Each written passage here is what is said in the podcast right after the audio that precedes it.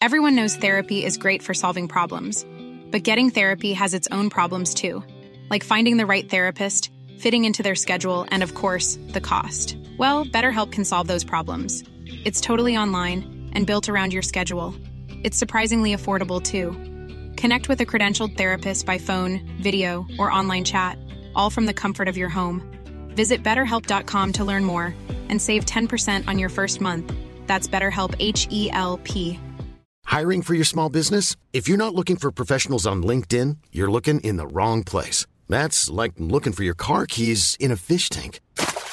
LinkedIn helps you hire professionals you can't find anywhere else, even those who aren't actively searching for a new job but might be open to the perfect role. In a given month, over 70% of LinkedIn users don't even visit other leading job sites. So start looking in the right place. With LinkedIn, you can hire professionals like a professional. Post your free job on linkedin.com slash people today. Millions of people have lost weight with personalized plans from Noom. Like Evan, who can't stand salads and still lost 50 pounds. Salads generally for most people are the easy button, right? For me, that wasn't an option. I never really was a salad guy. That's just not who I am. But Noom worked for me. Get your personalized plan today at Noom.com. Real Noom user compensated to provide their story. In four weeks, the typical Noom user can expect to lose one to two pounds per week. Individual results may vary.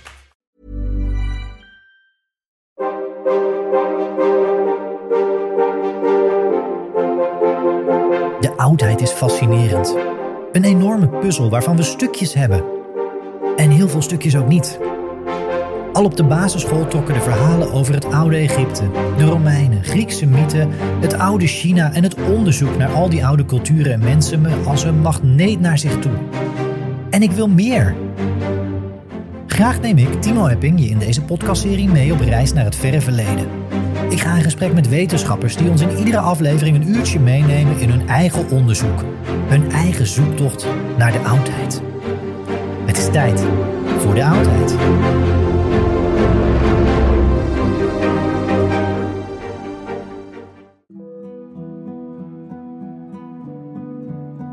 Dit is het tweede deel van de aflevering over Herodes Jeruzalem met professor Dr. Jurgen Zangenberg van de Universiteit Leiden.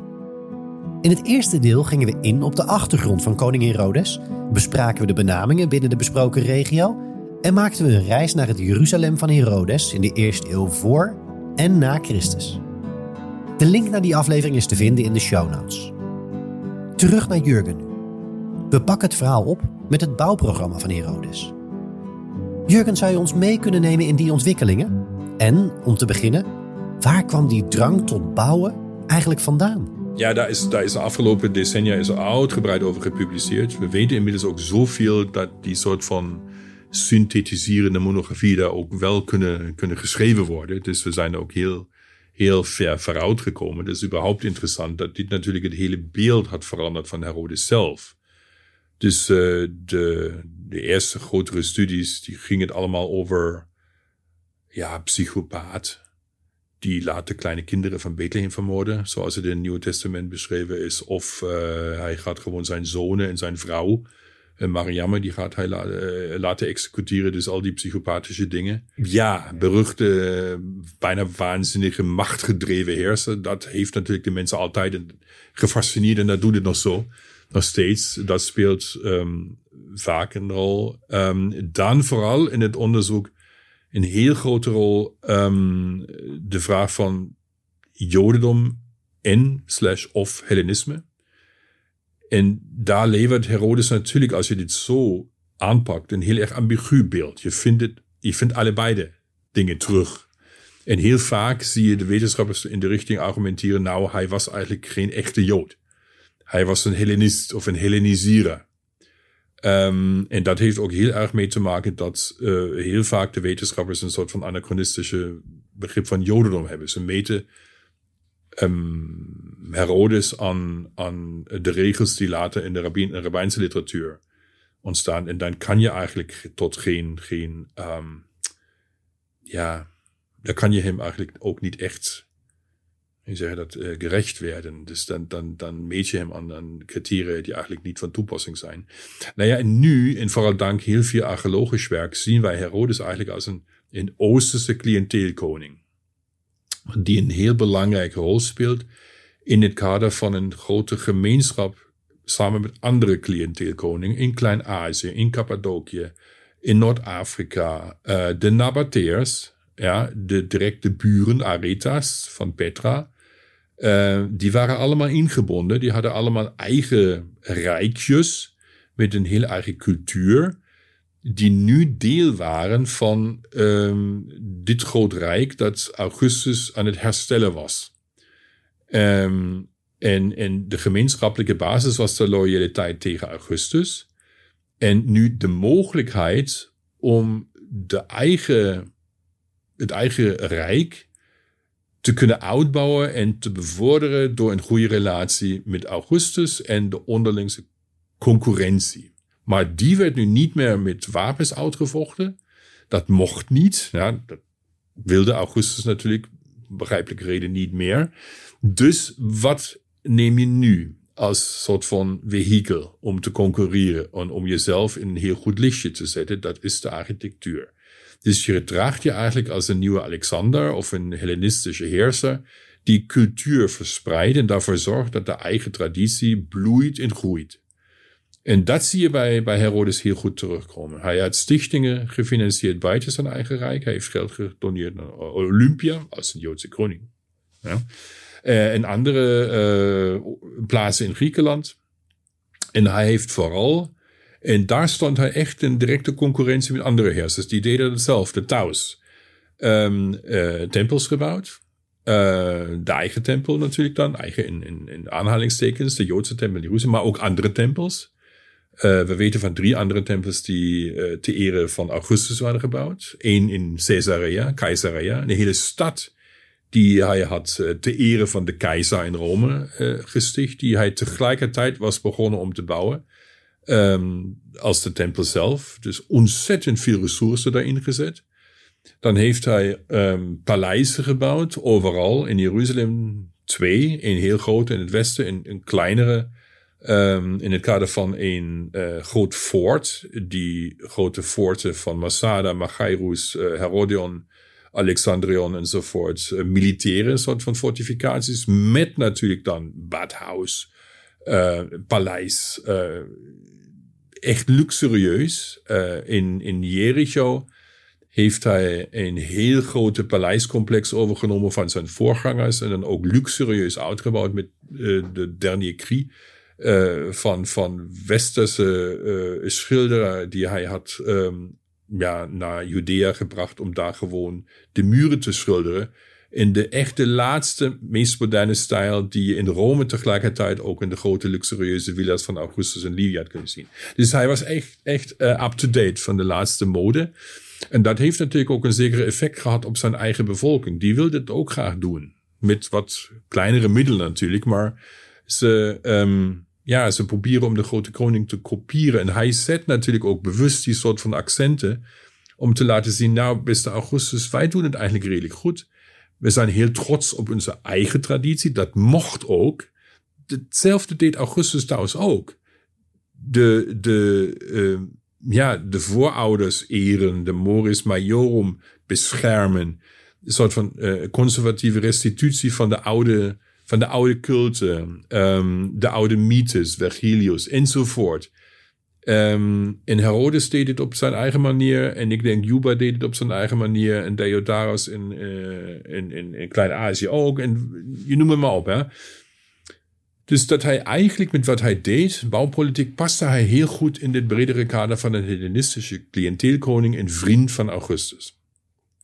En we weten van, van Josephus slash Nicolaus die hij hier gebruikt, dat um, Herodes ook daadwerkelijk, dat, dat denk ik is ook plausibel bij de inner circle van de adviseurs van Herodes hoorde. Um, hij was, uh, van, van Augustus hoorde, hij was Augustus um, specialist in alles wat met Joden te maken had.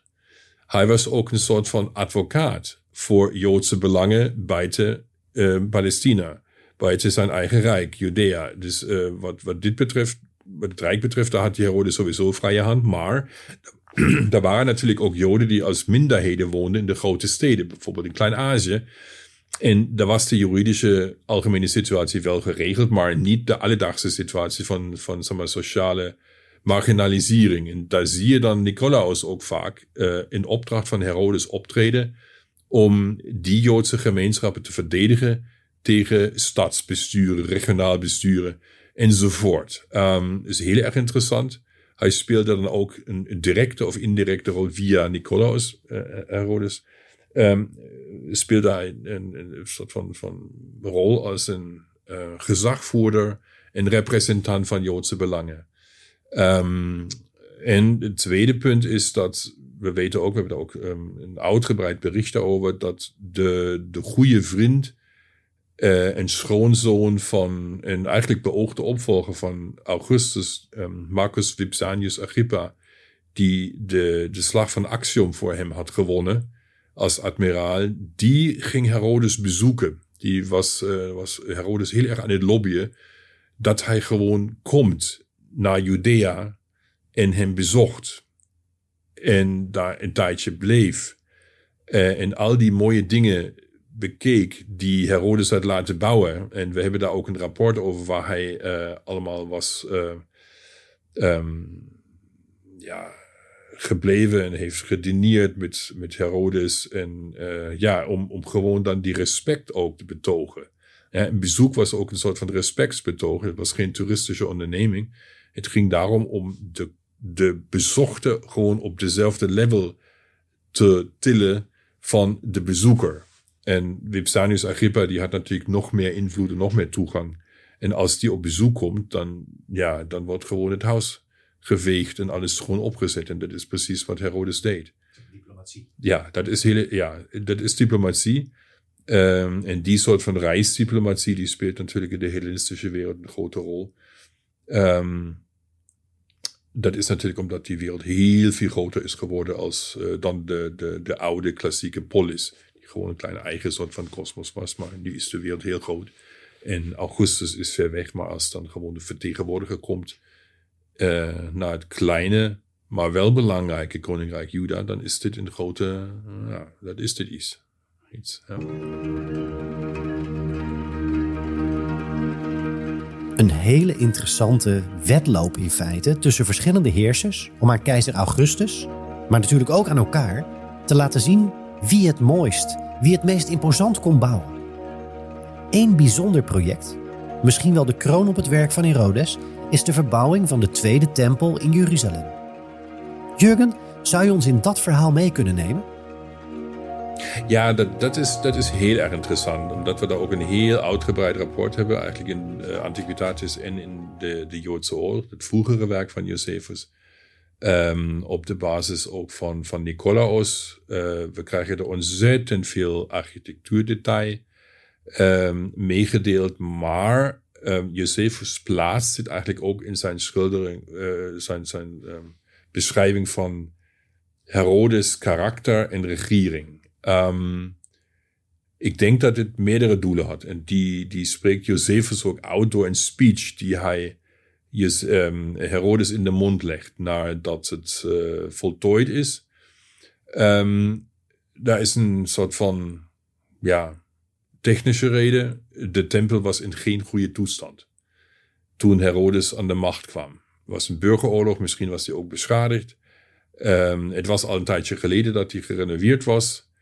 Um, waar wat wel al bestond was de platform plus daarbovenop de tempel.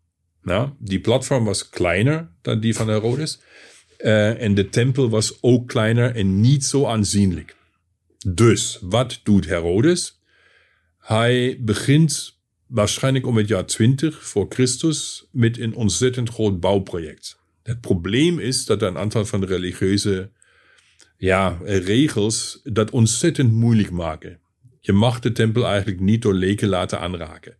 Dus de, de, de metselaren, de technici, de houtwerkers en al die mensen, die moesten eigenlijk priesters zijn. Dus hij moest gewoon de workforce opleiden vanuit uh, de kring van de priesters. Um, goed, dat deed Herodes zo goed mogelijk. Het andere probleem was, de cultus mocht nooit ophouden. Dus alles moest parallel lopen met inlopende cultus. Omdat, ja, je kan daar niet maar alleen mee stoppen gewoon. Um, de cultus weerspiegelt de kosmische orde op de aarde. En die mag je als mens niet doorbreken. Oké, dus dit probleem had Herodes ook op kunnen lossen. Um, en dan was die tempel nog de leeftijden van Herodes uh, gerenoveerd. Dus dit stukje was afgesloten, maar we weten van de archeologische vondsten dat, um, en andere literaire teksten ook eigenlijk, dat het nog veel langer duurde om het hele heiligdom te um, renoveren. Uh, en de infrastructuur daaromheen. En dat duurde tot eigenlijk 1, 2, 3 jaar voordat de opstand in het jaar 66 is uitgebroken.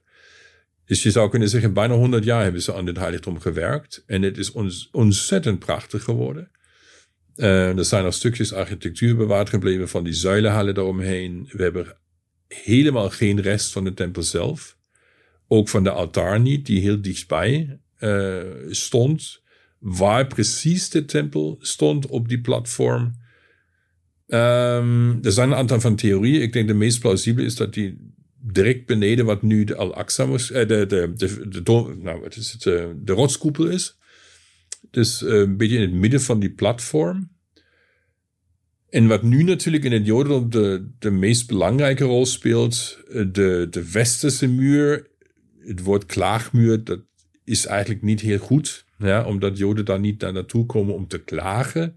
Dat is meer een soort van christelijke perspectief. Het is de, de westerse muur. Uh, en heel veel mensen denken, nou, dat is de westerse muur van de tempel. Dat is het niet. Dat is de westerse deel, een heel klein, heel, uh, echt heel klein deel van de westerse muur van de platform. Die teruggaat op Herodes. Nou, 450 meter uh, noord-zuid en dan ongeveer 250 meter, soort van trapezoid. Tra trapezoid. 250 um, oost-west. in het zuiden ongeveer 50 meter hoog substructies um, en hallen beneden en in het noorden.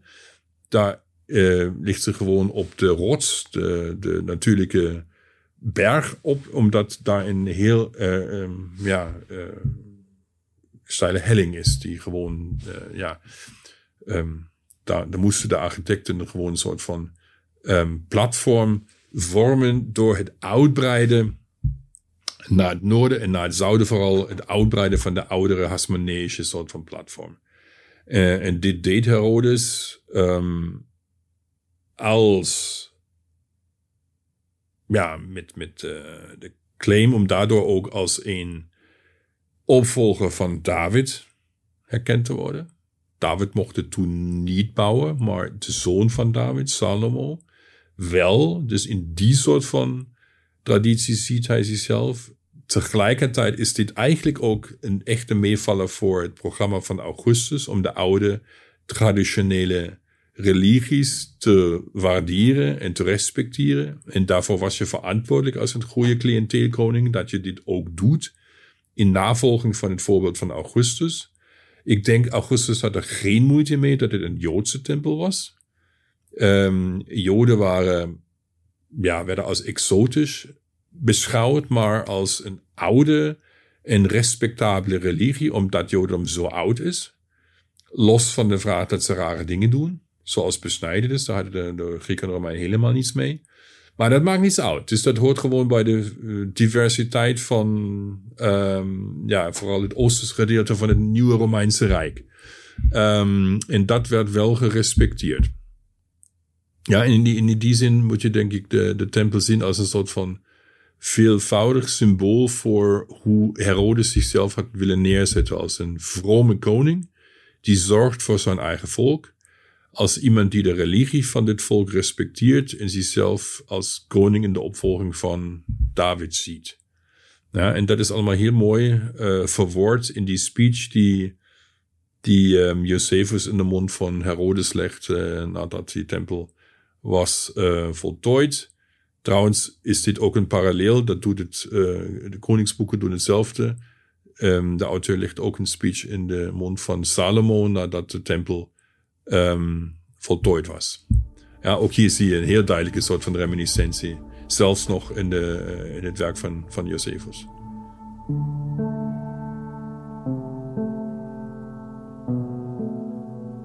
We naderen het einde van deze dubbele aflevering. In het jaar 4 voor Christus zou Herodes overlijden. Er gaan theorieën dat Herodes gezien werd, of zelf propageerde, onder andere met het Herodion, Messias te zijn. Jurgen, hoe zit dat precies? Nou ja, was Herodes de Messias? Nou ja, dus het hangt vanaf van wat je, wat je, hoe je de Messias ziet. Er waren heel veel verschillende vormen en heel veel verschillende concepten van Messias aan het circuleren in de tijd van Herodes. Hij was zeker in die zin Messias dat hij de koning was. Gezalfd. Um, misschien. Maar in ieder geval de claim om een daadwerkelijke koning te zijn. Er zijn ook messiassen die geen hemelse figuren zijn.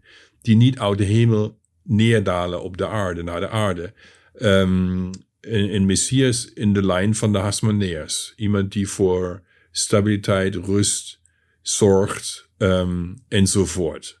In die zin, ja, zou je wel kunnen claimen, propagandisten van de Hof, hij is de messias we hebben niemand anders nodig.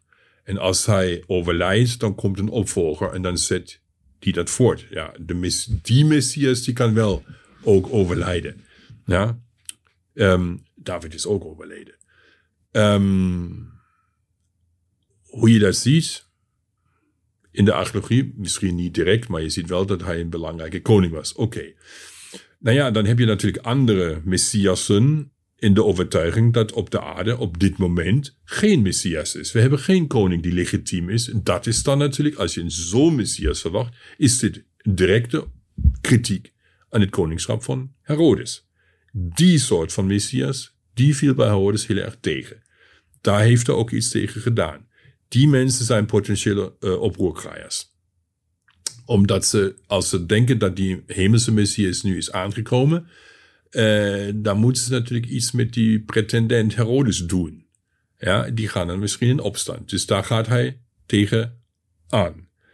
Um, dat speelt dan later bij, bij Jezus een rol. En die claimt dat hij iets te maken heeft met de Basilea, het koninkrijk Gods. Um, daar zijn de mensen wat gevoelig dan niet meer Herodes, die is dan al overleden, maar de Romeinse gouverneur, die in de tussentijd de opvolger is geworden, feitelijk qua functie, van Herodes als beheerder en bestuurder van Judea. Ja, de Romeinen waren daar ietsje gevoelig als iemand komt of mensen zeggen over iemand dat hij een koning was. Die hebben wij toch in Rome. Oké. Okay. Ja, um, en dan zijn nog andere groepen die ervan uitgaan dat de Messias er nog niet is, maar als die komt, dat de wereld daarna heel erg anders uitziet.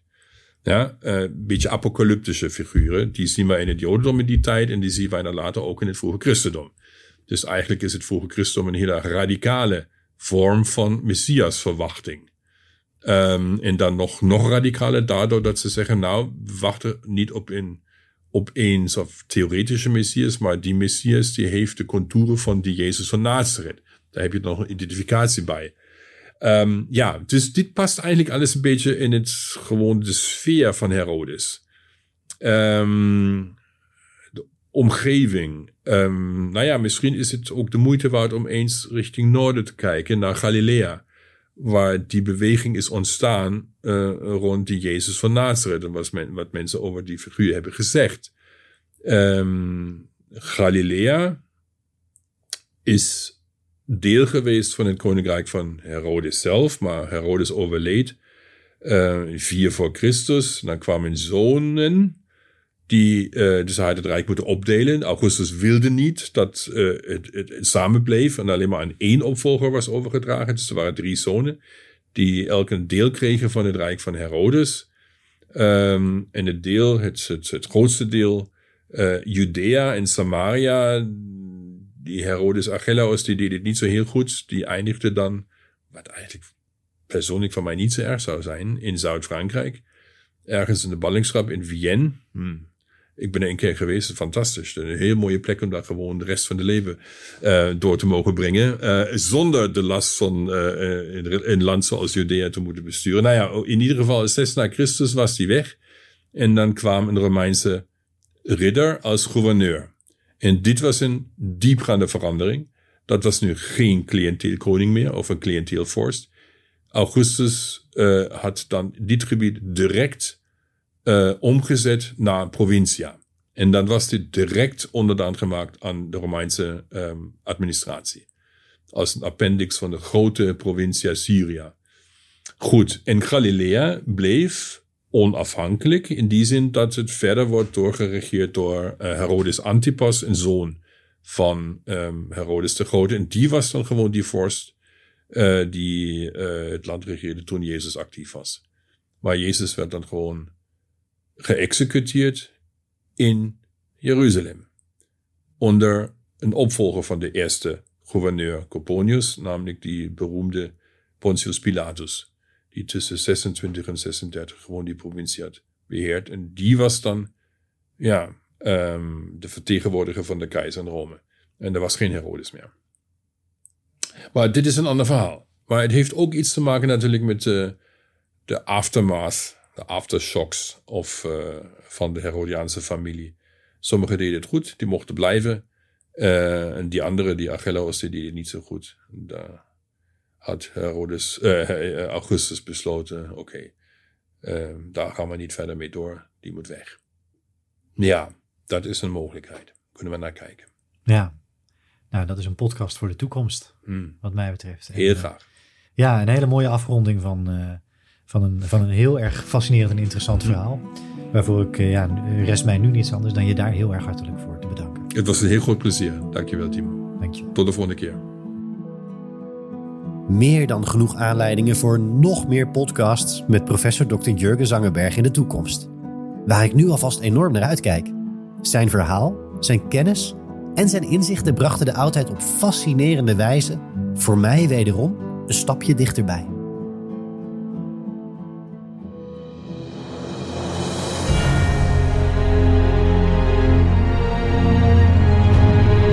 Dank je voor het luisteren naar De Oudheid, de podcast over het verre verleden.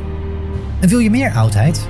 Vergeet dan niet om de podcast te volgen daar waar jij podcast luistert. Iedere nieuwe aflevering verschijnt dan automatisch in je feed. Likes en reviews worden uiteraard gewaardeerd en vergeet vooral ook niet om de podcast met iedereen die jouw interesse deelt te delen. Heb je ideeën of suggesties voor de podcast? Mail dan naar info@eppingproductions.nl.